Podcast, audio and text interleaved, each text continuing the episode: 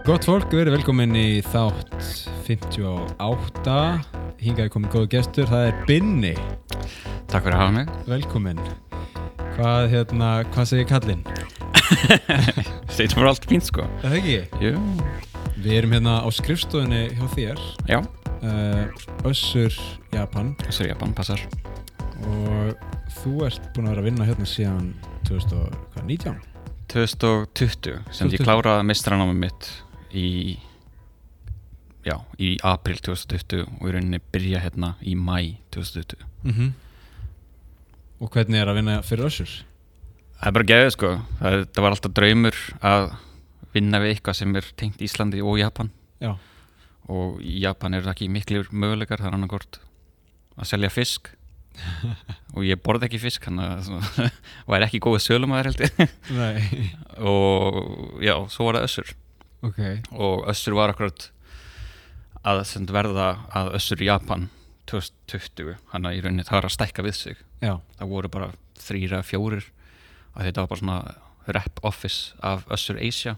Já, og sem 2020 þá er það ákveðið að Össur Japan muni verða til. Mm og þá kemst ég, ég byrja rauninni bara sem intern.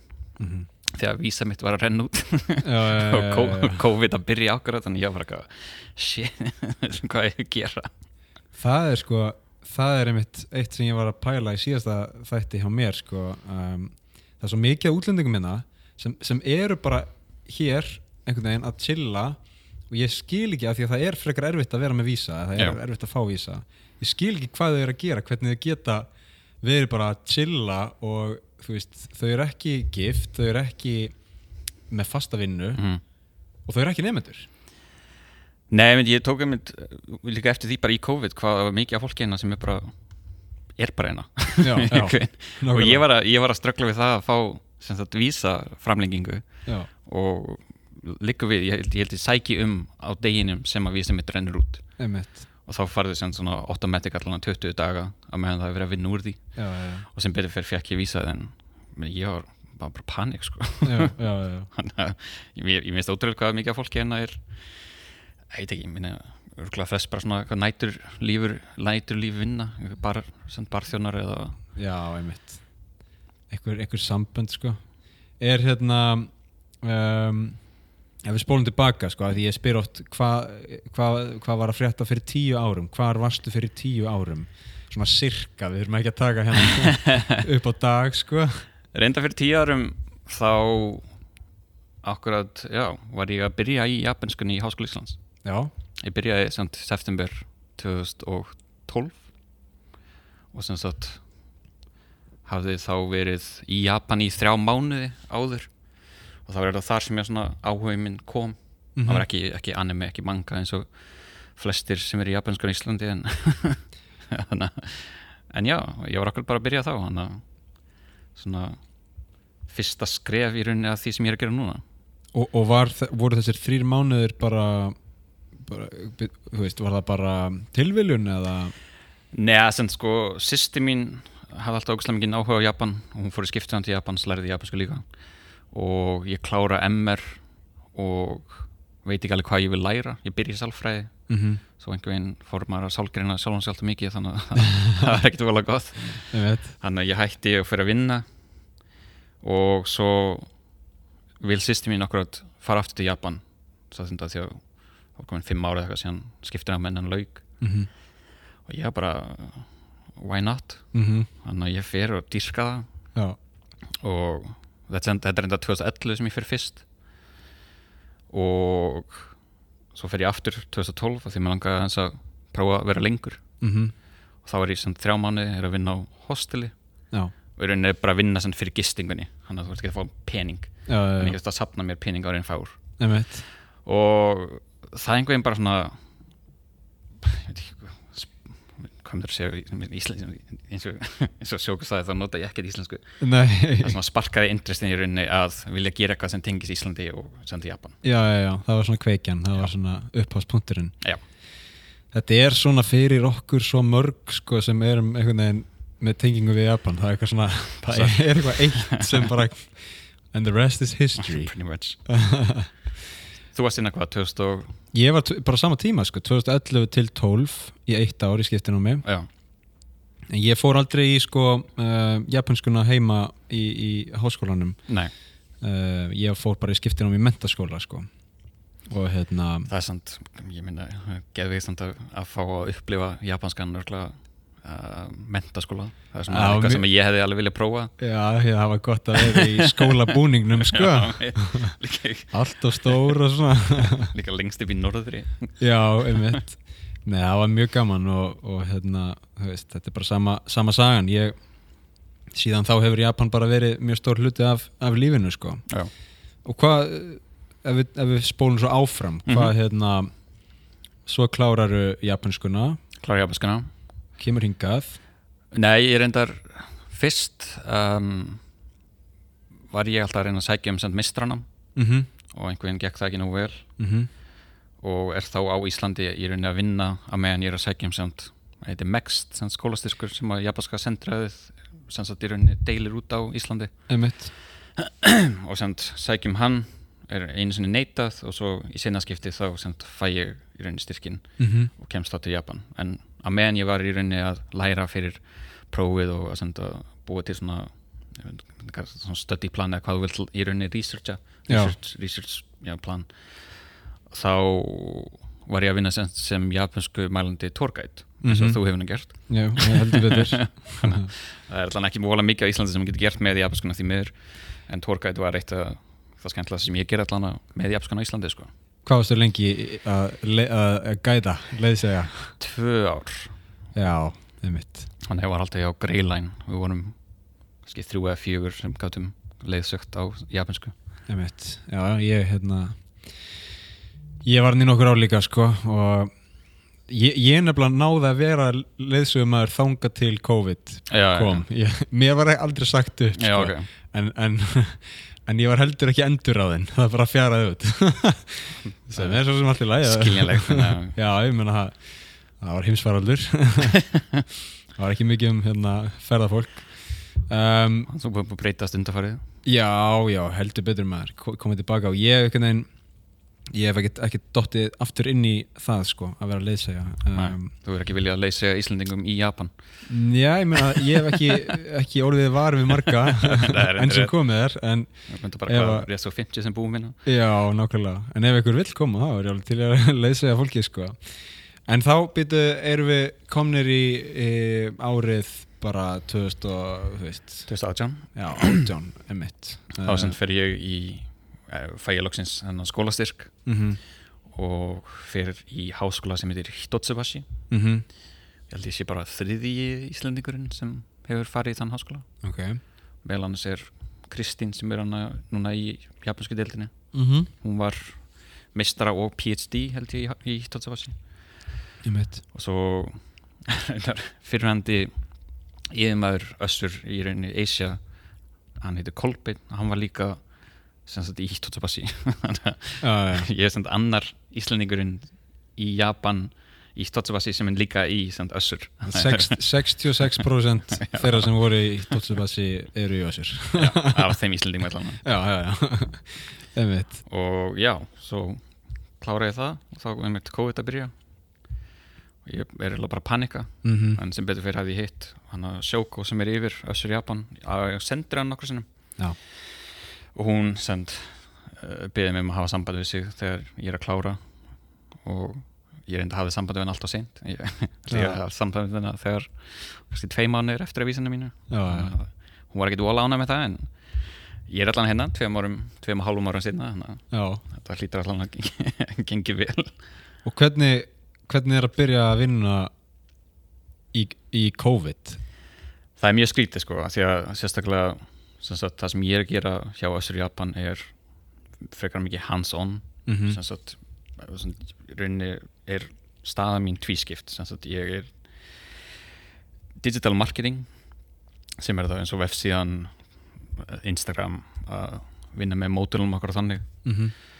og svo er ég líka um, product specialist fyrir uh, það sem heitir ILM sem er sagt myoelectric hand, a prosthetic hand. Mm það er hendi, gerfi, gerfi hendi sem þú stjórnar með uh, elektróðum sem að sem sagt, pikka upp vöða reyfingar mm -hmm. og þannig notar sagt, til að opna og loka. Og sem, það er mjög mikið hands-on. Já, já, og þú ert ofta á spítulum einmitt. Þannig að það var ekkert grín að reyna að komast inn á sama spítalastundum því að það var allt lokað. Já, já, einmitt. Að þú þurftir að vera með COVID-próf eða eitthvað bara til að sem, komast inn í raunin á spítaluna og, og, og þú varst að fara inn á spítala til að vinna með uh, Ég samt, það sem ég í rauninni ger að því ég er ekki, sagt, ég er ekki stóðtekafræðingur, ég er bara í rauninni sagt, product specialist fyrir þessa vöru. Mm þá, þá er ég ekki að búa til sagt, eins og socket eða svona það sem að fer yfir hendina. Ég Mhm. bara er hann til að útskýra hvað rauninni hendin getur gert Já, og já, já. hvernig hún virkar. Þannig að uh, oftast þegar ég fara á spítala eða á svona vinnustofur fyrir stóðtekafræðinga þá er þetta bara svona í rauninni fyrirlestur. -hmm. en svo er líka kannski 33% er þá er hann að patientin líka hana. Já, og erum að sína hann hvernig hendin virkar og svo getur hann prófa hana til dæmis. Mm þannig já, þetta er svona half-half hvort þú sért að spítala eða á, sagt, á vinnustofu uh, stóðekja fræðingana. Og það hlýtur nú að vera svolítið skemmtilegt að, að svona geta fyllt þessu eftir og, og sérstaklega þegar vel til hefnast, þú veist, þegar sjúklingandir eh, bara Það fá er- nýja limi eða, það er gefið sko því að maður hefur svona þetta er þetta svona smá svona journey í rauninni sem að maður sér á hverju meinsta hverju svona þetta er eins og það er eitt strákur þannig að mist hendina 24 ára Mhm. bara í vinnu.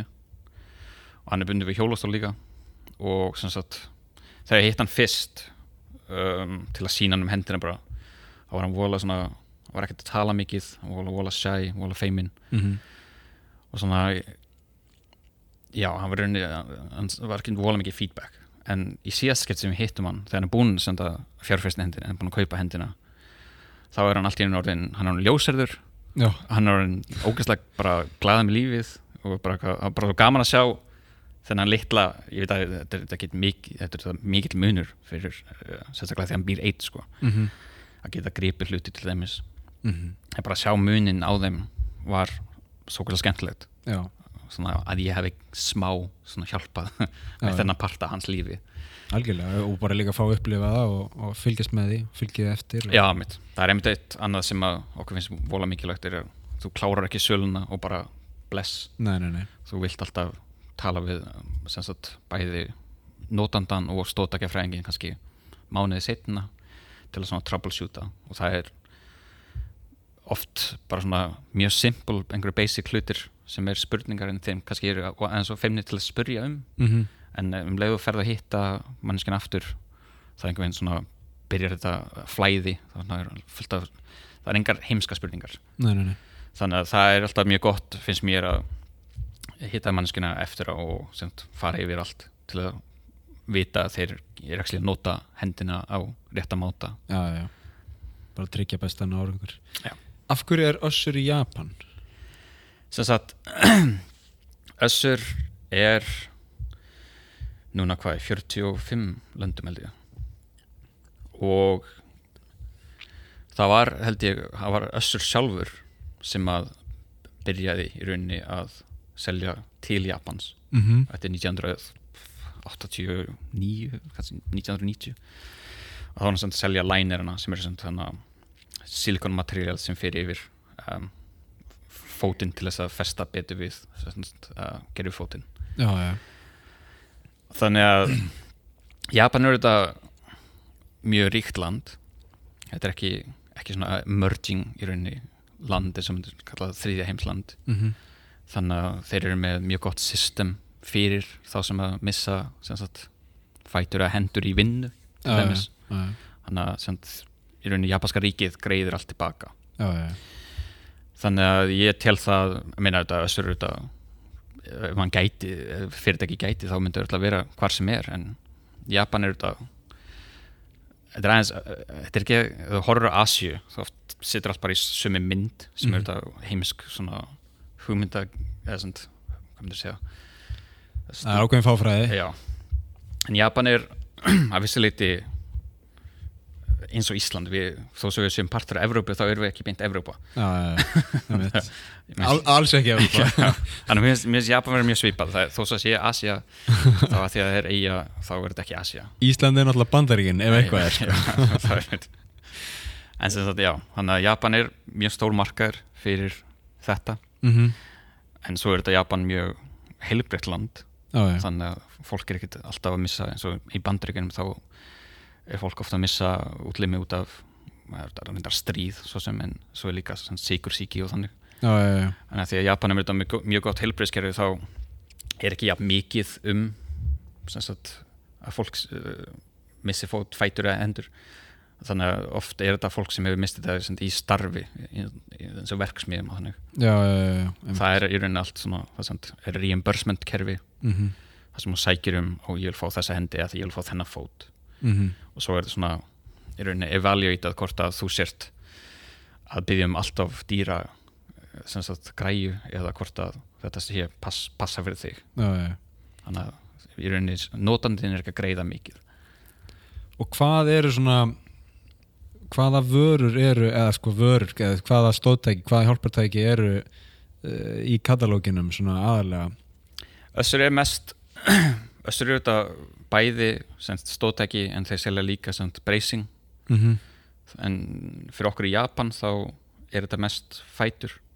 Mm en maður er það svo mikið að mismandi fólki með mismandi hvort, hversu mikið getur hreift sig. Já, þannig að mjög mismandi fætur hvort það sé fyrir aktiv eða unaktiv eða og í Japan er mest í rauninni fætur eða hnýja mm en svo eru, samt, eru með líka í rauninni microprocessor sem, sem, eins og hnýja sem er þá í rauninni mun betra en bara mechanical já, já, já, já. þannig að það hjálpa þér það lætu þið sem ekki það minni líkur á að dettir Það er hugsandi nýja Já, í rauninni.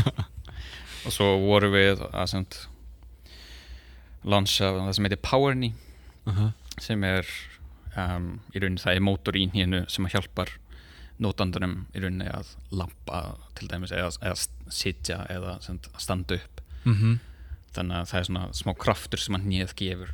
Ok, og það er núna held ég mest áhugand, áhugaverð vara sem við höfum held ég sem össur. Mm Þetta er náttúrulega sko ótrúlega áhugavert með Japan sem er eins og þú segir með svona gott heilbreyðskerfi og í raun bara almennt heilbreyði mm -hmm. það er bara einhvern veginn ég þó að það sé margt mjög óheilbrygt líka í, veist, eins og reykingum og, og drikju og eitthvað svona skilur en þá einhvern veginn þegar kemur til þess að mataræði þá er mikið heilbreyði almennt í menningunni Mhm. sem þýðir að fólk er að lifa mjög lengi en svo er bara spurningin uh, sko uh, hvort þú metur þetta í, í, í fjölda ára eða í gæðum tímans mm Mhm. skilur og, og þegar fólk kemst á ákveðin aldur þá kannski hætta sumir að reyfa sig og hætta sumir að fara í göngutúr og gera hitt og þetta Mhm. og hérna þú veist, það er áhugavert að sjá ef að svona hjálpartæki getur hjálpað fólki að, að til dæmis fara út í göngutúr og þú veist, uh, ef að fólk er verkjað eða, eða, eða hefur sig ekki í það en, en með ykkur svona getur þá kannski um, fengið betri, betri og meiri lífsgæði á, á svona eldri og efri árum? Já, nei, ég, það er eitt, þetta, eitt sem að össur bara globally hugsaður um er sem life without limitations. Já, já, já, það er þetta bara líf án takmarka.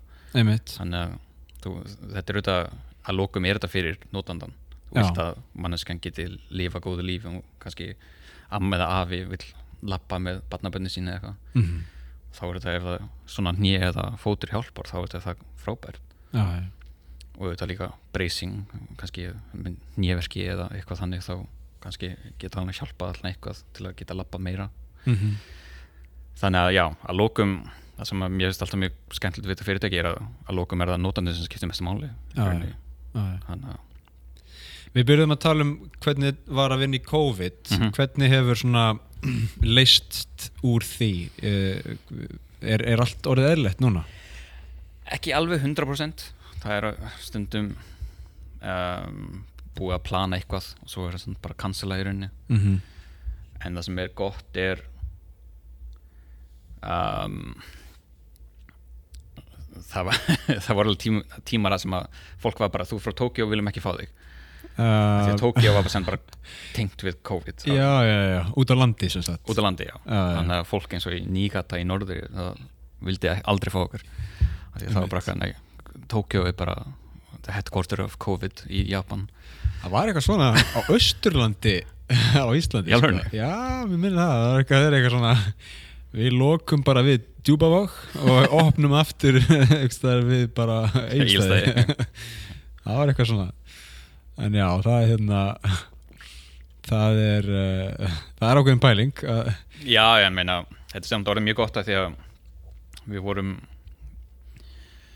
á okkar annari ráðstefnu núna síðst helgi. Mm svona face to face í fyrra var þetta allt bara online. Og að því að Össur Japan er í rauninni svona semi nýtt þá var fólk ekki alveg ennþá að skilja að, að þetta var ekki ennþá bara sem distribution aðli í rauninni. Já, já, já. Þannig að fólk, gott að hitta fólk svona in person og geta útskýrt. Við erum, sem þessi í Japan, við erum að selja beint. Við erum ekki að selja já, sem, við erum að selja líka í gegnum svona distribution aðla við erum að selja sem, okkar bestu vörur erum að selja í rauninni uh, beint. Já, já. Sem er þá sem sagt Bionics allt sem er með í rauninni allt sem úr hleður í rauninni. Mm Já, já, einmitt. Hvað hérna, ef við skiptum að- aðeins um gýr hvað, þetta er svona þetta er ofin spurning sko, þetta má vera hvað sem er. Ertu með eitthvað á heilanum? Ertu með eitthvað svona sem sem þú ert alveg svona bara jæðra við obsessed á núna Shisha? Sísja, já. Áhuga maður. Nei, þetta ekki. Ég meina, ekki megin í COVID þá var svo lítið að gera. Mm og þú gast í launin ekki farið neitt. Minna þá voru, þá voru tímar það sem að veitinganstæðir lúkaði til klukkan átta. Já, já, já. Og það var ekkit áfengi selt þannig að á þeim tíma var samt einhverjum ástæðum alltaf sísastæðir opnir. Það, þeir voru aldrei lokaðir. Er, eru þeir reknir af uh, fólki sem er ekki af japanskum uppruna eða sumir, ég veit um eina keðju sem er samt um, eigandinn er frá Íran Já, já, og ég held að hitt er mest bara Japanar sko já. sem ég fyndi hvað þetta er orðið mikið bara, þetta er bara kultúr núna í rauninni. þetta var svona hvað, ekki trend í rauninni þetta var orðið ég veit ekki hvað þegar það fyrir fótbalt áhuga maður Mm Já, það er já, bara, já. nú er þetta bara sísja í rauninni áhuga maður fólk það sem, ég er þetta, ég finnst bara gaman að fara ég er ekki eitthvað að leita upp eitthvað details um hvernig er best að búið til sísja en það er samt fólk í Japan sem er bara obsessed. Einmitt. Það er bara, lífstílinn er, bara sísja Bara, that's your thing. Já. Þannig að þú skoða Instagram þér og þá er það bara eitthvað eitthvað. Það er eins og félagin minn í Japan Hann er, hann er glampari. Veistu Já, já, Hann já, er já. glamping sko Það er gla glamour camping. Hann hérna Hann er aldrei lent í lífsættu eða skilur hann er aldrei lent í ykkur svona útilegu háska. Já, já, um, hann bara bakkar bílnum af hérna, tjaldstæðinu og setur upp svona 40 fermetra jurt skiluru já. og er svo bara að elda eitthvað lampalæri og opna eldstæði og ég hef nú ekki farið í svona útilegu sko en Þetta er sko, já, í Japan núna er það svona glamping, já, saunas já. og shisha.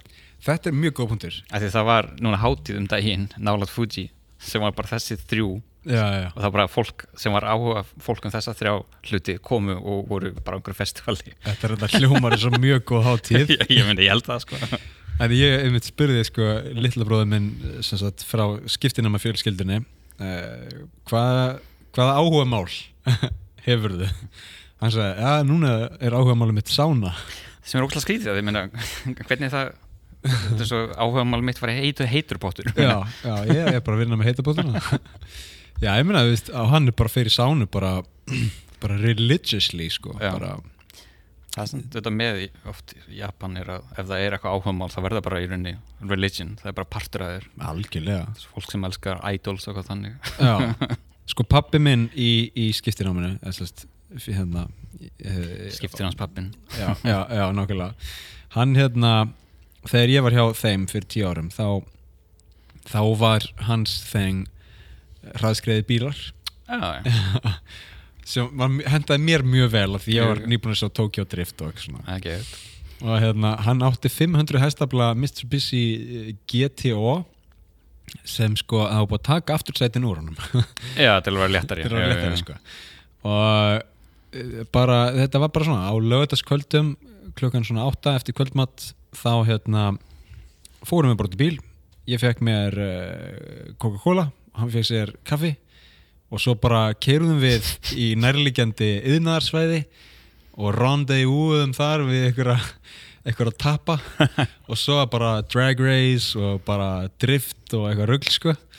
Og síðan kemur lauruglan og hérna, þá þurfa allir að fara í felur og þá keira allir eitthvað tvo ringi og hittast á, á 7-Eleven bílaplaninu sem er náttúrulega svona smáuröllun, convenience store og svo bara beint aftur í, í fjörið sko. Já, ok. Uh, hann var í þessu og, og ég var í þessu með honum og ég literally settist upp í bíl hjá Drift King Aha. gæjanum í Sapporo sem var sko með 800 hestabla Mustang, hann var með sko tvær 400 hestabla vélar þetta var bara eitthvað fucking rugg sko. Algjört kæftæði sko. Þetta verður bara, bara áhuga mál verður bara, það er bara religion. Mér er þetta, mér bandreikin mjög svipið með það þetta er, Já, þetta er algjörlega sko. Og, og síðan nefnilega, þú veist, svo, svo sagði þess að mamma mín í skiptináminu honum, það er bara þetta er komið gott nú úr að hætta þessu rugli. Bara seldi hennar bíl og hérna hætta þessu. Þá fór hann að veiða, tók fjögur ár bara veitti eins og brjálæðingur endaði því að hann veitti sko 30 kíló að túnfisk já, og bara hætt á topnum skilur það er já. og nú er hann komin í golfið. Þannig að þetta er svona já, þetta er ákveðið hobby. Um, en þú ert í sissjæðinu það, það er ágætt líka. Já, ég ég ekki sann að segja þetta sé eitthvað sem brennur mér mest á heila en þetta er allan svona það sem að gera allan einu sinni, kannski í viku. Já, já, já. En, minna, veist, en þú sagðir að vera eitthvað kultúr í kringum þetta og, og Þetta er, já, þetta er svona ef þú ferð að sísast að núna þá sérðu svona típur í rauninni mm sem eru bara eitthvað, já ok, þetta er definitely bara sísja for life person. Það er eitthvað svona það er eitthvað svona, þú sérðu við þig þetta er öll með svona í rauninni, að því að samt, með sísja þá setur mouthpiece á sagt, til að samt, í rauninni reykja úr. Já, þannig að fólk er með sitt í rauninni sin eigin mouthpiece. Já, já, já. design mouthpiece sem kostar kannski 20.000 kall eða eitthvað. Býtu að segja að staðurinn hann sko er með plast mouthpiece. En þú vilt það ekki. Þau kom með sitt eigin þau eru kannski með það jafnvel hangandi í það er alltaf hangandi um hálsin og þetta er bara, þetta er bara jewelry í rauninni. Þetta er bara. Já, þetta hljómar eins og kultúr sko. eins og allavega einhver svona und undirkultúr sko. þetta er mjög, mjög, mjög fyndið sko. Meina, margi vinni mínir svolítið Fanatics. Sísa er á því sko. ég sko um, en þetta er alveg, þú veist, þetta er náttúrulega stór hluti að því að búa í bara erlendis en, en kannski sérstaklega í Tókjó maður er alltaf að leita að einhverju samfélagi Mhm. alltaf að leita að einhverju community ég sko ég veit ekki hversu mörgum Facebook hópum ég er í ég hef hérna ég hef ítrekka reynd að komast í Tokyo Wine Club sem Ok. er einhver svona elítuhópur einhver elítu hópur sko. Og ég þarf að svara einhverju spurningum eitthvað hérna, hverju viltu joina nákvæmlega. Ég hef aldrei fengið inn. Ég bara, þau bara, þau horfa á mig og bara nei. Þannig að ég hef ekki komist ánga ég er í sko, eitt daginn, eitt daginn. Já, einn daginn sko. Ég væri alveg til í þetta þetta er, þetta er eitthvað svona þetta er líka bara upp á djókið sko en þetta er náttúrulega, veist þau eru með eitthvað Australian Wine Night þar sem er bara sjö klukkutíma matur og drikkur já, á já. okkur um flottum stað. Og Eitthvað- glótir en vengilega eitthvað. Já, nokkulega En ég hérna er sagt í trail running og ég er í hiking og ég er í hérna e, já, alls konar Facebook-hópum ég hef bara aldrei náðað einhvern veginn sko, svona eh, á. já, já, þú þarfst að taka svona fyrsta skrefið. Já, já, já, algjörlega. Þarfst að fá svona pressure frá hinum til að þú komir aftur. Já, og það er einn hópur sem er bara, ég held að hann heiti bara eitthvað Hachioji uh, Meetup. Ok, sem hljómar eins og hann byrjaði bara sem einhver manneskja í því hverfi eða á því svæði að vera smá einmanna á því já, og bara búið til Facebook-hóp í, hóp í kringum það að hittast. Það er sniðut og svo er bara 2000 manns í hópinu núna. Já, ok. Og þau eru bara með, þú veist það er bara admin sem býr til viðburði og þau hittast og eru með skipulaðar göngur og eitthvað svona dót og, Mhm. og hérna enn og aftur, ég hef ekki náð að fara á einhverjum ástæðum en, en uh, já, þú kannski tengi við það að þú veist, þurfa, þurfa, þurfa smá svona community. Já, ég meina sérstaklega meina, þú hefur rúglega experienciað líka þegar þú varst í mentaskóla í Japan en þá eru alltaf svona circles eða í rauninni bugatsu sem svona club já, svona eftir, eftir uh, Býtu nú vegi, hvað myndi það heita sko að því að MR er líka með þetta eða mentaskóla Íslandi er líka með þetta en, en þar er þetta bara sko félagslífið Já. Heitir það? Já, þannig að það er og það er svona hobby í rauninni ert svona, uh, fíla körfubolta eða fíla bortennis, þá eru svona, svona litlir hópar fyrir það og ég, ég tók eftir því þegar ég var í mistranáminu að ef þú vilt eignast vinni mm -hmm. fljótt er hann að koma inn í einhver svona communities þá þarfstu bara, bara að stökkva í djúbulegin og fara í einhvern svona uh, circle eða sem sagt, klub án þess að þú þekkir einhvern Já, algjörlega og það, svona, það hjálpa mjög mikið að allan hvað var það að eignast vini í Japan sem er þetta kannski ekki beint mest þekkta land fyrir að vera að, með mikið af vinum en ég ætla að tók eftir því að já, ef þú vilt sérstaklega sem útlendingur oft í háskóla í Japan þá þarftu í rauninni bara að stinga þér í djúbulöðina og fara í einhvern svona klúb Já, já, því að það er enginn að fara að koma upp að bara randomli hei, viltu vera raunum minn? Eitthvað þannig. Nei, ekki það að Ísland sé eitthvað þannig heldur en Nei, þetta er mjög áhugavert sko. Um, Ég meina á Íslandi er þú veist um, á Íslandi er náttúrulega menningin svolítið þannig að fólk er mikið að hittast heima hjá sér, skilur að bjóða vinum í matabóð eða eitthvað svona. Hér er menningin meira kannski þannig að fólk er að hittast á veitingastæð eða hittast á bar eða eh, einhver staðar, einhver staðar allan ekki á heimilinu. Þetta, Ísland er aðeins, aðeins stærri húsnæði heldur en hérna. Já, stærri húsnæði algjörlega og, og verri samgöngur, almenningssamgöngur og allt það sko. Um, og líka bara þjætt þjættara, sko ekki þjætt bíla en, en, en hérna minni vegalengdir og allt það. Já, um, Já, ég, ég tengi við það. Ég sko, ég náttúrulega var í og var mjög, mjög heppin með það sko í skiptináminu að ég fór beint í, í leiklistarklúbin já, ok, ok. Og það svona varð að einhverju leiti mitt, mitt krát sko. Um, í herranótt fyrst eða? Já, svo var ég var herra, herranótt sko tvö ár áður en ég fór til Japan já, svo, þannig að varst alveg komið þennan áhuga. Já, algjörlega og var búin að vera líka þegar ég var yngri í, í kramhúsinu í, í hérna ákveðum námskeiðum og svona. Já, já, um, en, en þú veist, þetta er samt áhugavert með Tókjó sérstaklega að þetta er svona þú veist, maður líka bara tekur bara eftir því í lestinni.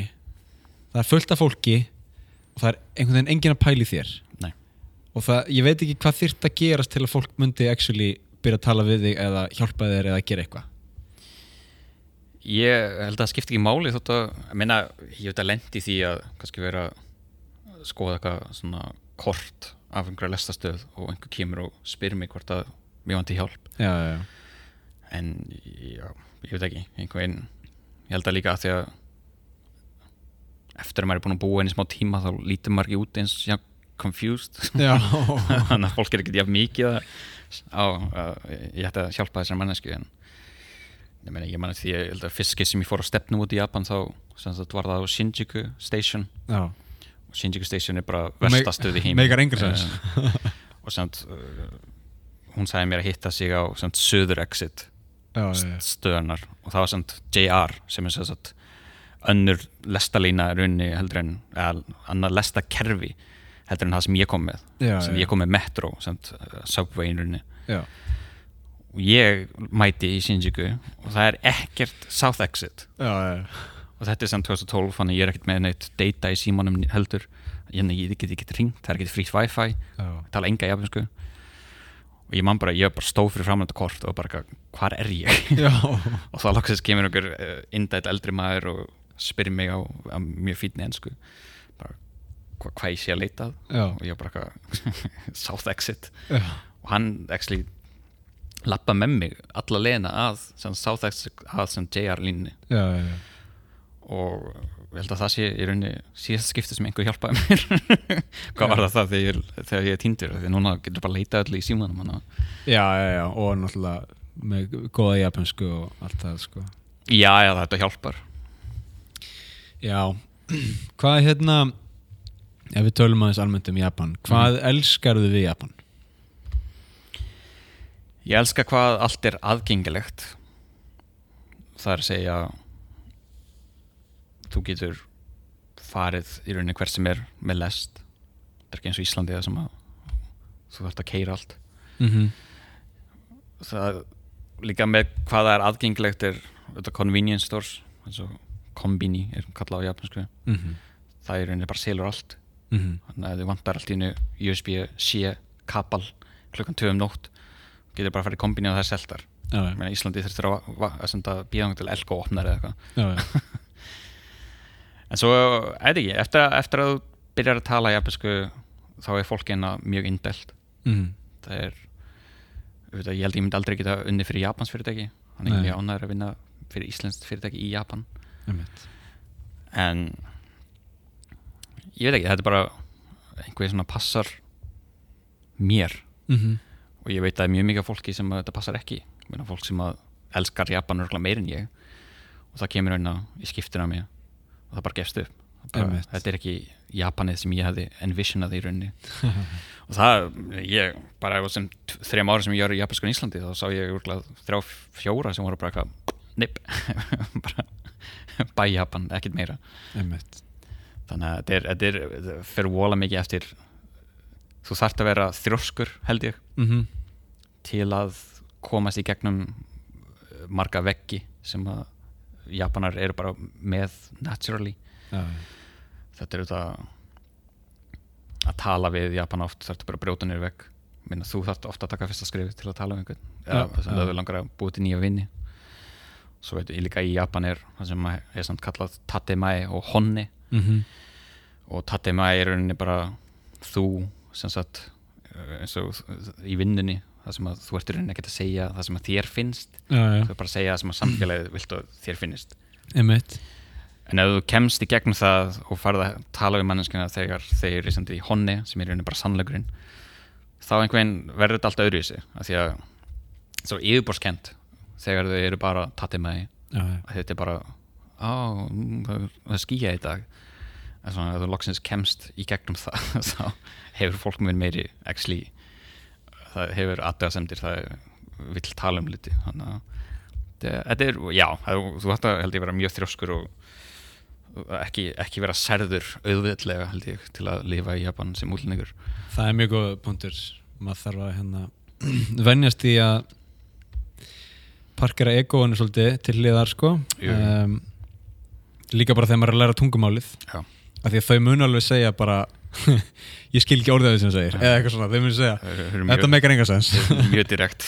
Já, og hérna og þú veist margt, margt einhvern veginn mörg svona, margir árekstrar í almennri íslenskri skinnsemi versus japanskri. Smá. Um, en þetta er áhugavert með, með uh, honni og tatemae svona grímuna sem hann setur upp annars vegar og, og svo ég meina sérstaklega verið þig í leiklist. Já algjörlega. Og þú veist, ég hugsa að maður gerir þetta líka einhverju leiti bara, ég hugsa að bara allir gera þetta. Þetta er náttúrulega bara þetta er þeng sem hefur, þetta er, þetta er ákveðin hlutur sem hefur nafn á, í Japan. Og kannski ekki, ekki beint í- nafn á Íslandi nema þá kannski að setja upp einhverja grímu. Já, en við gerum þetta held ég öll um, bæði á Íslandi og í Japan en þetta er bara þetta er kannski bara uh, hvað segir maður? Þetta er svona meira ábyrrandi í Japan. Og, og sérstaklega ef fólk er í vinnu og er þú veist, að vinna hjá fyrirtæki eða þá í námi hjá skóla mhm, þá er það að einhverju leiti að representa þann skóla já, já. og þarf þess vegna að setja upp ákveðna grímu setja sig ákveðna stellingar. Ég man að það var eitthvað sem ég ræk mig á bara þegar ég var í mentaskóla hérna ég var bara, herru, ég, það er lögadagur ég ætla ekki að vera í skólabúningnum og ég er ekki að representa skóla minn já, já. en mentaskóla myndi segja bara, herru, ef þú lendir í ykkur vandræðum þá er það bara okkar ábyrð já. hvort sem það er lögadagur eða sunnudagur þess vegna mátti ég ekki vinna þess vegna mátti ég ekki eignast kærustu Já, já. hefði ég fyllt þeim reglum þá hérna, þú veist Það var lífið aðeins öðru það var líka aðeins öðru sér núna þannig að þetta er svona Nei, Já. ég, tengi þetta líka við Ísland sko. það er þetta kannski bara minn svona persónleiki en ég í MR í einhvern, ég vildi fitta inn mm þannig ég var ekki að segja allt ég var í rauninni, ég var svona mjög feimin í rauninni þegar ég var í MR en ég var ekki að segja í rauninni það sem mér lág að hjarta ég svona, var oft bara að segja hluti sem að ég held að fólk myndi líka vel við já, já. en, að, en þegar ég hitti samt, mína vini þeir voru reyndir allir í MH Mm þá er ég alltaf ennur manneska þannig að ég veit ekki, ég er einhvern svona og eftir það þegar ég hitti fólk frá MR núna það er einhvern svona reverta ég aftur í þann binna og ég var eitthvað, oh fuck ég hata þennan binna. Já, já, já. spila einhvern smá karakter. Já, ekki eins og karate, ég er bara svona ég veit ekki, einhvern en ég, en ég, ég svona skil tilfinninguna að vera svona með smá grímu. Já, já, já. ég meina við göngum öllum með margar grímur og, og sko stundum er það þú veist, hindrun eða eða eru fyrir að einhverju leiti en, en, en eins og þú segir, það er líka stundum gaman að, að reyna að sjá hvað er undir grímunni Mhm. og sérstaklega á Japanum þú veist. Það er alveg rétt sem þú segir, sérstaklega ef þú kannt ekki tungumáli þá er mjög erfitt að komast undir grímuna Já, komast inn fyrir.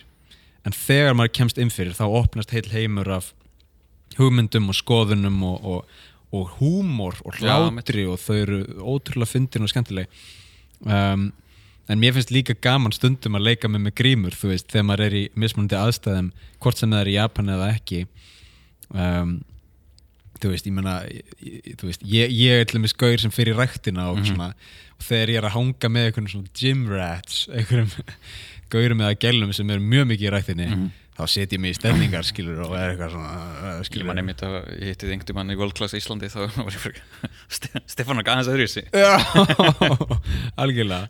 Það er svona, það er líka kannski bara leikarinn í manni að- að að vera að prófa, prófa eitthvað mismunandi sko. um, Já, ég held að bara sem manniska þá svona aðlagar þig með þeim hópi af fólki sem út með. Já, þannig ég held að ég sé alltaf mjög mismandi þegar ég er með mínum bestu vinnum eða með fólki sem ég alltaf þekki skilur einmitt, einmitt Hvað elskarðu ekki við Japan? það er mjög góð spurning um,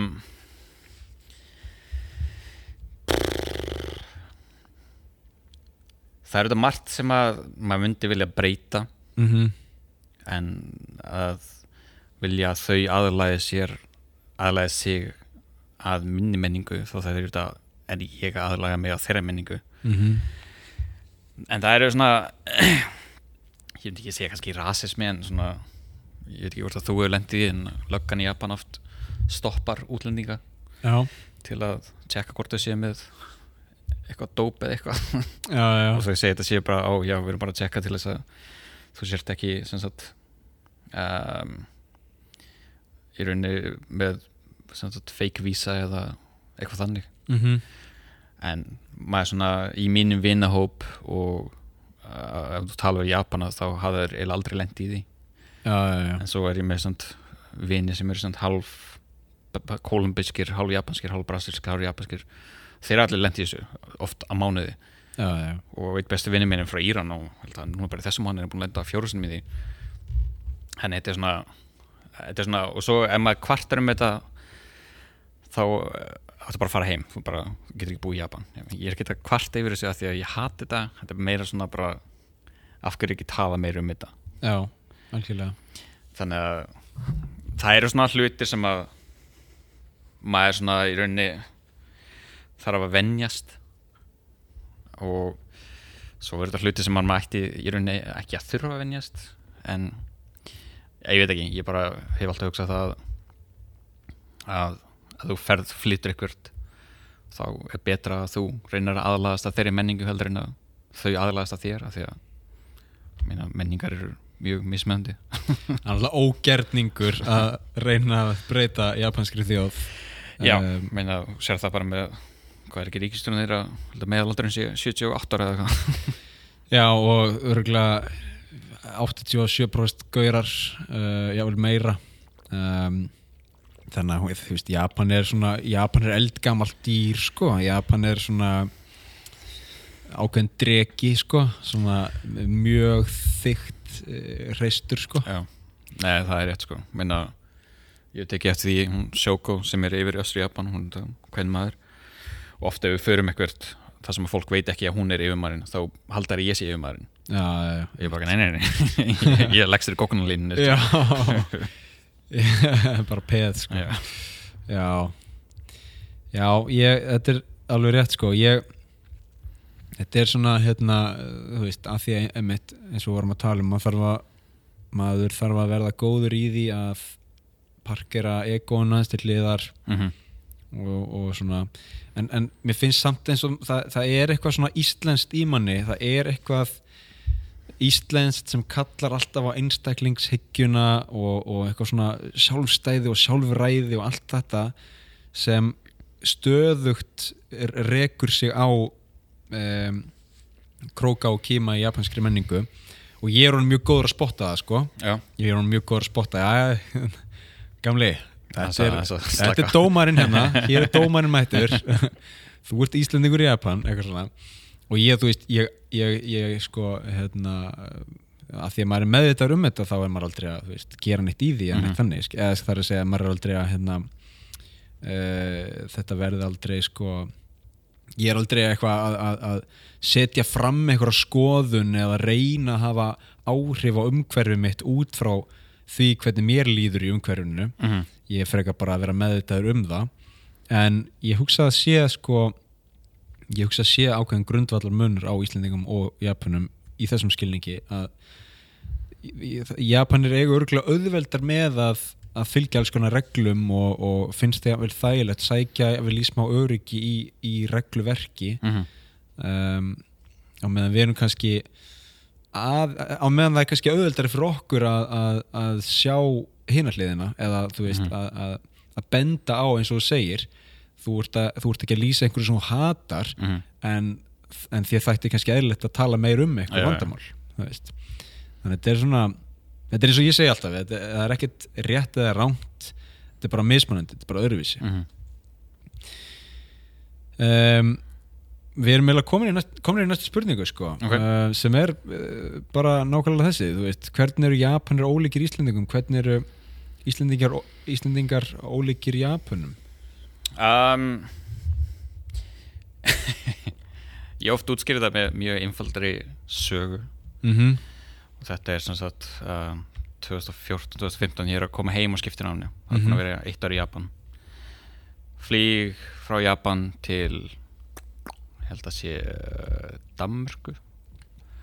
Flýg er bara það er engin að segja neitt allt fínt, engin að rekast í þig eitthvað neitt þannig. Svo ertu komin til Kaupanafnar og svo fyrir um þú ert búin að setja þess fyrir framann það sem Æslandir flugin hafa að fara. Mm -hmm. allt í henni byrjar að vera mjög hávært fólk oft fullt. Já, og bara flýið frá Kaupanöf til Íslands var bara manneskan sem satt hlýna mér var alltaf bara að rekast utan í mig og voru bara að drekka alla leiðina. Og ég einhvern veginn var bara eitthvað ég langar bara aðeins að fólk myndi chilla. Já, já, já. Það er svona fyrir mig var, var það svona mjög eye-opening minna Íslandingar er, ég elska Íslandingar svona, hvað var þar þú, já, ég held að þeir hugsa ekki mest þeir hugsa kannski ekki vola mikið um hvað fólk í kringu sig já. sem eru þetta fínt, það er ekki að því en svona þegar það kemur einhverju til dæmis eins og um, almenningssamgöngum þú ferði lest í Tókjó það eru 30 miljón mann sem búið hérna getur farið lest í Tókjó og heyrir ekki neitt. Það fyrir einhver stræt á Íslandi.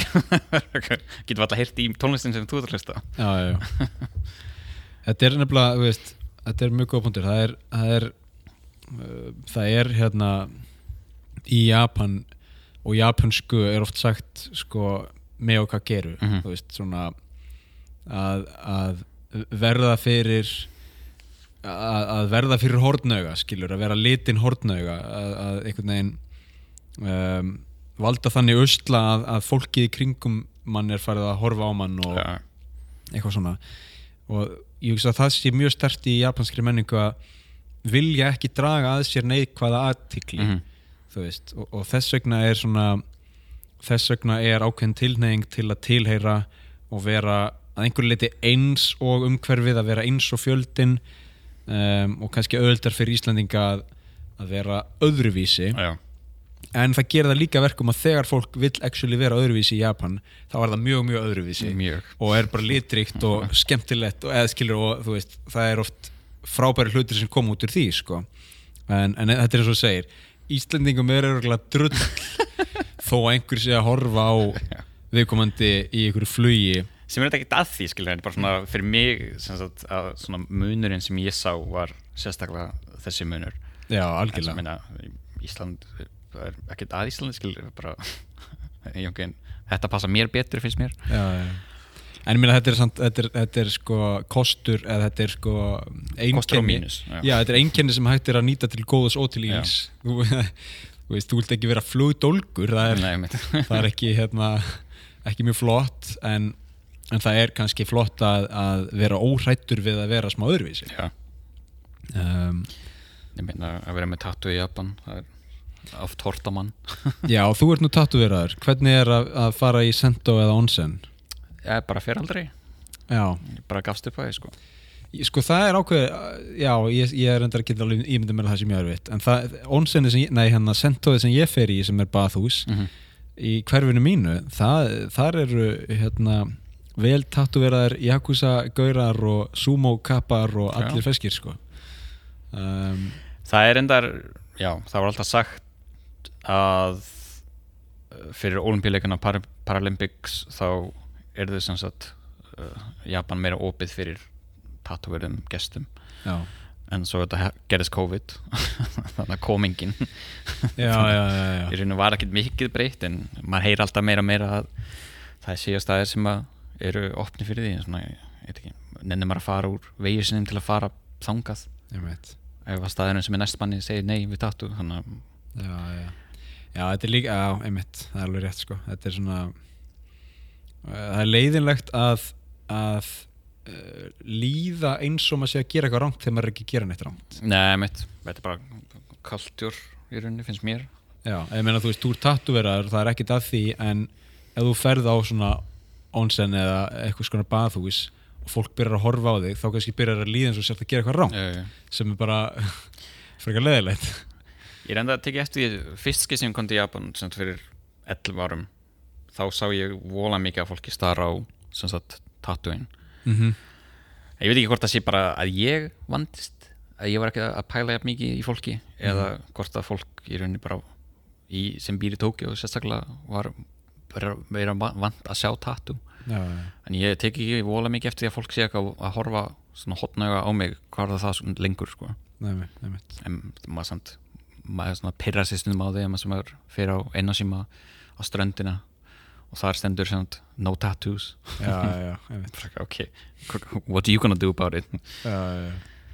Nei, þetta er áhvert ég, þú veist, hérna já, maður verður ekkit sko, maður er ekkit mjög, mjög, mjög mikið að vera eitthvað að fylgjast með manni af fullorðinu fólki og ég náttúrulega er ekki tattuveraður en, en, en bara fyrir það eitt að vera hvítur og Mhm. bláeður og allt það þá hérna þá eru krakkar oft mjög mikið Jú, jú. að horfa krakkar horfa mig mikið það er verið það er oft gaman að brosa svona eða reyndar er hérna sérinn kona mín hún er nú oft að gera einhver mjög skrítin svona svipriði á móti sem annarkvort gleður eða hræðir börnin. Um, að við færum okkur yfir í sko ástar uh, menningu. Þetta er svona að því vorum aðeins að ræða hérna uh, við vorum aðeins að ræða sko þetta svona sem, sem getur kallast ást til sölu. Mm -hmm. þú veist uh, sko japanska ríkistjórnin, sérstaklega þegar AB var við völd, var mjög mikið að tala um það að það þarf nú að hækka fæðingartíðinina það þarf að hérna um, það þarf að fjölga samböndum og Mhm. fjölskyldum og, og eitthvað svona en á móti kemur uh, ótrúlega erfið vinnumenning um, uh, sem skilur ítir fólki í þá átt sko, sem bæði ítir fólki í þá átt að vilja ekki stofna fjölskyldu Mhm. og svo rosalega erfið menning fyrir konur sko, þar sem þær þurfa oft á tíðum að velja á milli starfsferils annars vegar og fjölskyldu Já. og barns eigna Já. hins vegar Nei, mér finnst það mjög fáránlegt sko Þetta er einhver veginn svo gamalt fyrirbæri að hugsa svona mm -hmm. að þú getur ekki átt fjölskyldu og unnið þannig að en samt, einhver veginn er þetta samt bara ennþá það sem ég tek eftir líka í, í, í ungum kvennmunum í Japan er að það, það er alveg fínt þeim finnst það bara fínt að verða housewife. Já, já, já. og ég bara af hverju? Meina, ok, ef þú vilt gera það, bara gera það en skilur ekki láta menningana í Japan ákveða fyrir þig eða ekki kannski menningana meira sagt, uh, gender gap í Japan að ákveða fyrir þig. Meina, já, já. Japan eitthvað 120 og eitthvað í heiminum. Já, og þetta talið progressive land algjörlega, það er, það er, sko, það er mjög progre- eða það er ekki mjög kannski progressin en það er mjög kapitalist, það er mjög ofalega á smá. kapitalistka listanum. Um, Nei, sin, já. sin líka bara er einhvern ástalíf í Japan orðið svo superficial mann getur, getur líka við lykt hvað sem er. Mm hvernig, eh, ég meina, nú þekki ég það ekki og, og, og þú kannski þekkir það ekki af eigin skinni en, en, en þú hann ert búin að búa í Tókjó í hvað, fjögur, fimm ár Þetta er sjött ára mitt, já, fimm já, ár já, já, sjötta ári, já Hva, veist, hva, hvað hérna, nú ég veit til dæmis Mhm.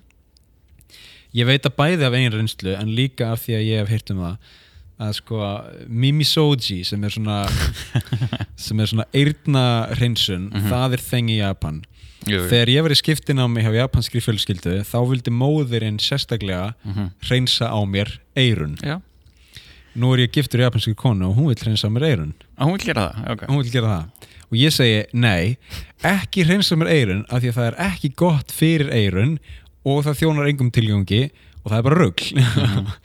Og hún segir allt sem þú segir er rugl. Ég ætla að vista að hreinsa þér eyrun.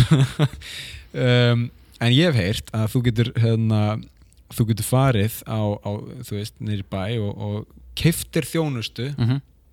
til að hreinsa þér eyrun. Já, þannig að það er sagt uh, leið til að sitja í Japan sem heitir seisa í rauninni, það sem þú situr í rauninni með, hvað myndir segja, sköplungin í Já. jörðinni. Ég held þetta heiti að sitja á hækjum sér. Ég samt ekki, ekki 100% Já, og sem þá eru þetta eru lærin í rauninni það sem að er sem sagt, snýr upp og sem sagt, með svona eirna hreinsun þá sem setur gaurin eða gelan hausinn á ofan lærin mm og þá er sem manneskjan þar sem vinnur þar hún sem hreinsar af eirun og meðan þú ert með hausinn á sem sagt, lærunum á henni eða honum býst við þetta séu mest konur sem í þessu en það er, já, það er þú getur rauninni bara gift allt sem er eftir hug í Japan, hvað var þar eitthvað svona eitthvað skrítið. Þetta er svona eh, sko ef maður myndi horfa á þetta með augum uh, út frá augum viðskiptafræðings eða verkfræðings þess vegna þá var einhvern veginn verið að útvista ástarlífi eða útvista nánd. Já, þú veist, þetta er svona uh, ef ég ætla að vera í sambandi þá mun það kosta mig þú veist, ég veit það ekki 20-30 klukkutíma á viku. Mm um, en ef ég vil bara upplifa nándina við það að fá eyrnarhreinsun eins og mamma mín gerði þegar ég var lítill japansku strákur þá getur gert það á tveimur klukkutímum eða eitthvað skilur veist, og, og, og þú getur hérna og þetta held ég að gangi nú margar áttir en, en þú getur sko uh, farið með mannesku á bókasapn og lesið saman teiknmyndasögur. Uh, þú varst að segja mér áðan að þú getur ráðið mannesku til að gráta með þér. Mm um, þú, þú getur örgla hérna, ráðið mannesku til að sko, þykjast vera partner til að þegar þú ert að kynna fyrir fóreldrum já, minnir að segja eitthvað eins og fyrir brúðkaup. Þannig að þú vilt ekki fara einn eða einn í brúðkaup þannig að þú bara leigir í rauninni einhvern til að fara með þér svo þú ert allan með partner. Já, já, já, en já, það er ekki það er svo mikið af hlutum eins og fólk er, það er svo mikið af hlutum sem fólk er rauninni bara að borga fyrir að tala við mannesku eins og maid cafes eða girls bars eða kjabakuras Já. sem er rauninni bara að þú ert að borga í raunin fyrir félagskap. Já, og það er, já, ótrúlega hvað er mikið um það í Japan þú getur farið hvar sem er og það er girls bara eða kebakura eða og þetta er bara, já, og það er eða morfjárið það að tala við mannesku sem er í raunin bara að vera borgað til að tala við já Kjabakura er sem sagt uh, ég held að það standi fyrir Cabaret Club Já. Kjabara Kja- Kjabara Kjabari Krabu já. Kjabakura um, það er örglega í 95% tilfella þar sem eru konur að vinna Mhm. Og, og eh, sko, í langflestum tilfellum gaurar að mæta Já. og drekka áfengi saman og eins og segir spjalla Mhm. þú veist og þá er þetta oft örgulega ykkur gaurar sem er að vinna þú veist sem salarimann eru í jakkafötum og eru þreyttir og eitthvað svona og mæta og er að spjalla og segja að yfirmaður minn er hálfviti og bla bla og bara svona eitthvað til að vent, vent venda þetta er svona, þetta er svona óheilbriður sálfræðitími. Já, ég raunin, kostur okkur mikið en, já, reyndar, reyndar.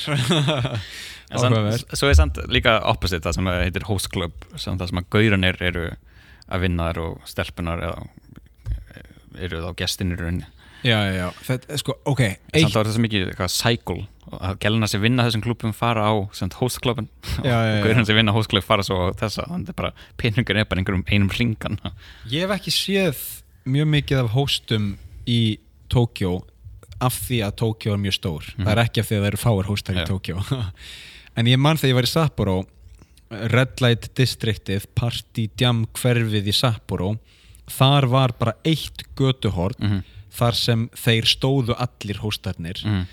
jakkafattaklættir með svona eiginlega túberað hár bara pff, alveg svakaleg klipping og hérna stóðu þar og, og, og voru að bjóða konur uh, velkomnar á hóstbarinn Mhm. sko og, og svona veiða skiluru og, og gefa einhver drikja tilbúð og eitthvað svona dót og, og þetta er eins og segir, ég menna auðvitað er Japan vændi og það er hérna ég, sko Japan er náttúrulega Japan er land þar sem er til dæmis eiturlefi eru mjög ólögleg Mhm. og það eru harða refsingar við því en vændi er ekki mjög ólöglegt það er tæknilega sé ólulegt held ég já, en já. þeir eru með samt uh, mismöndi leiðis til að koma fram hjá því já, og ég meina Yakuza mafían er nú mikið í að reka alls konar vændispúlur Já. um, og, og hérna þú þarft eflust ekki að leita langt til að finna eitthvað slíkt en svo er líka eins og þú ert að segja staðir þar sem þú ert actually bara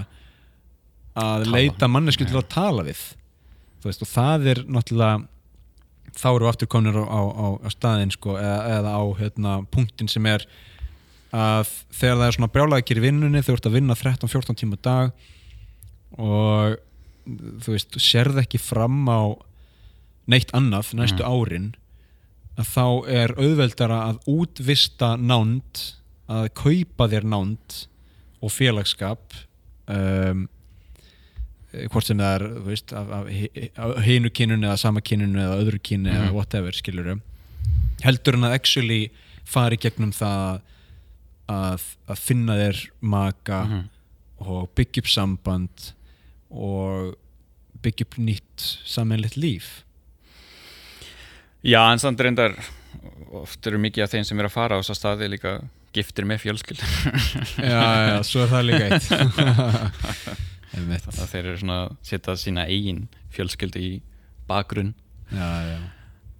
Já, og það er eins og segir veist, það er svona, það er ennþá þessi menning að, að sérstaklega fyrir konur að, að vera húsmæður Mhm. að vera heimavinnandi húsmæður sjá um heimili og, og börn og vera ekki með starfsferil á meðan að, að oftast karlmaðurinn eða, eða já uh, eiginmaðurinn er, er útivinnandi og er þá mjög mikið útivinnandi og það myndast rosalega stórt bil milli aðlana fjölskyldunar og ég hef heyrt, þú veist, þegar ég var í Sapporo þá heyrði ég um pappa vina míns um, sem var að vinna í Tókjó öll fjölskyldan er í Sapporo að vinna, eh, hann er að vinna í Tókjó og hann kom heim bara tvísvara ári Já, sex mánuða fresti. Og áttu öruglega aðra fjölskyldu bara í Tókjó kemur ekki það vor sko. Ég veit. þetta er svolítið öðru þessi smá. En samt einhvern veginn eru við búin að venjast þess að við svo liti. Já, ég meina, þú veist ég veit ekki, þetta er hérna þú sagði nú áðan að, að, að þú er ekki til að vinna fyrir japansk fyrirtæki og ég er alveg sammálað því Mhm. ég hugsa að ma- maður yrði dregin inn í skrýtin kultúr sko Já, ég held að þú verður bara bara koma einhver svona eitthvað cycle þar sem þú verður bara ferði vinnuna, drekkur, ferði heim ferði vinnuna, drekkur, ferði heim ég Já. held að ég myndi ekki nenna því Nei og já, ég veit ekki og veist, ég, það, sem er, það sem stingur mig mest er sóun á tíma og og eh, sköpunargleði og, og, og fyrir ekkert gein skilur þú veist, ég alveg, ég, veist, ég er alveg til að vinna í 12 tíma ef að það er eitthvað markmið, ef það er eitthvað að gerast. Mm -hmm. en ég er ekki til að vinna fyrir 12 tíma því að 67 ára uh, uh, hérna yfirmaður minn nennir ekki að fara heim Mhm. til fjölskyldurna sinnar. Já, og ég þarf að býða eftir honum ég nenni því ekki. Ég myndi ég myndi örgulega, er það örgulega reikin á fyrstu vikunni að því ég myndi fara fyrr heim. Já, einmitt. Herði, hérna eh, ein spurning uh, sko að þetta er svona uh, smá gýrskipting hérna. Uh, hvað, hvaða vana eða venju viltu byggja? Hvað, þú veist um, ég byrjaði með þessa spurningu sem áramóta heit Ok. nú, er, nú er að koma áramót sko um, Mér langar í rauninni að því ég bý svo langt í burtu frá vinninni þá um leiðu ég er búin að flytja þá langar mér að bara koma mér í þann vana aftur sem ég var í að fara í rektina til dæmis að vera aðeins heilbreiðari hvað var það það að því að núna já, ég er komin í svona þú veist ég Íslands fyrirtæki bara því ég bý svo langt í burtu mm -hmm. þá er ég komin í svona smá cycle að þú vaknar, ferði vinnuna ferði heim og þú ert alltaf þreyttu til að fara í rektina og bara sopnar þannig að þetta er bara svona þannig cycle og ég hlakka mjög mikið til að losna við það. Þannig að já eh, mér efsta huga er allan að- að komast í svona betra form og ég að ég er ekki það er það svona vist eh, hvað myndir að segja endorfín eða svona þú fær svona smá kick úr því að, að reyfa þig. Þannig að ég held að það myndi líka vera mjög gott þannig að ef ég kemst í þann vana aftur þá er það allan að það sem ég langar að gera mest núna. Það er hérna þú sagði mér á þann að uh, komjúti eru þrýr tímar. Já, sem einn og hálfur hingað og einn og hálfur tilbaka. Og í einn mest sagt uh, mönnuðustu lest í Tókjó ég hérna ég er ekki með fast komjúti því ég er alltaf bara á mismunandi stöðum. Mm -hmm. En ég var að, ver, ég var að verða rugglaður af hérna komjútinu um daginn þar sem ég þurfti alltaf að vera að fara hverjum degi í lest sko og út af bara háfaðanum Mhm. tilkynningar núna í COVID, í COVID skilur núna það hefur alltaf verið að opna gluggana þannig að maður heyrir í teinunum maður heyrir í beigunum og svo bara eins og segir ótrúlega mikið af fólki og oft heitt og hitastýringin í, í, í vögnunum er stundum góð og stundum ekki mjög góð. mismöndi Ég kefti mér hljóð einangrandi Sony hirnatólum daginn. Já, já, og litla breytingin sem þar varð á maður. Það er mjög mikilvægt. Oh, ég er bara samt sér maður eiginlega engan með þetta sko. Nei, þetta mikið af svona noise cancelling earbuds söðurinn já, já, já, svo sem. ég er oft með Sony ég mynd sem noise cancelling airpods og það er þetta bara mjög þægilegt að geta hyrt í sínum eigin hugsnum í rauninni mm en það er ekki að því að fólki sé að tala há- hávart það er bara, það bara því að mikið af fólki þá í rauninni bara verður hávart. Já, já. Ég veit. Nei, þetta er rétt sko. Um, eitthvað að lokum þú ert nú hérna þú ert nú tildurlega virkur á Instagram. Já, já eða hefur verið það? Ég var það allan þú hérna, heitir Æþrandogin Mhm, uh, og sem þýðir bara Íslendingur. Sem því er og hérna þú ert, þú ert 2% af Íslendingum í Japan. Og ég líka. Já, við erum 4% Já. af Íslendingum alveg. uh, ef að hérna sprengja fjalli hérna á húsið núna allan, allan að 4% þá, þá væri sko vísis fyrirsögnin 4% af Íslandingum í Japan létust í spil Nei, nei, hérna, er, eitthvað að lokum, eitthvað svona? Um, Nei, ég bara Íslendingar ættu að koma til Japan meira allan, hvað var það ferðalag, ég veit að þetta margir sem vilja fara en bara því að það er svo langt í burtu þá hætti það við það en held að þetta sé land sem er alveg þess virði að koma mm -hmm. þannig að þó svo að þú vilt ekki búa en að þá er samt þetta er mjög gott land til þess að ferðast til því Já, og þetta er ekki það langt sko. þetta, er, þetta var aðeins dittra fyrir Úkrænustríðið en, Mhm. en þetta er samt bara uh, 16 tímar bara Já, ég meina, þú veist þú, þú, getur- þú getur vaknað, þetta er sólarhingur skilur, kannski ferðarlægir max og hérna þú veist, vaknar á 50 morgunni í, í Reykjavík og, og svo sólarhing síðar ertu í Tókjó já menna, ég læti alveg vera sko. Já, já, já. Herðu Bunni, takk fyrir spjallið maður. Já, takk fyrir að hafa mig hérna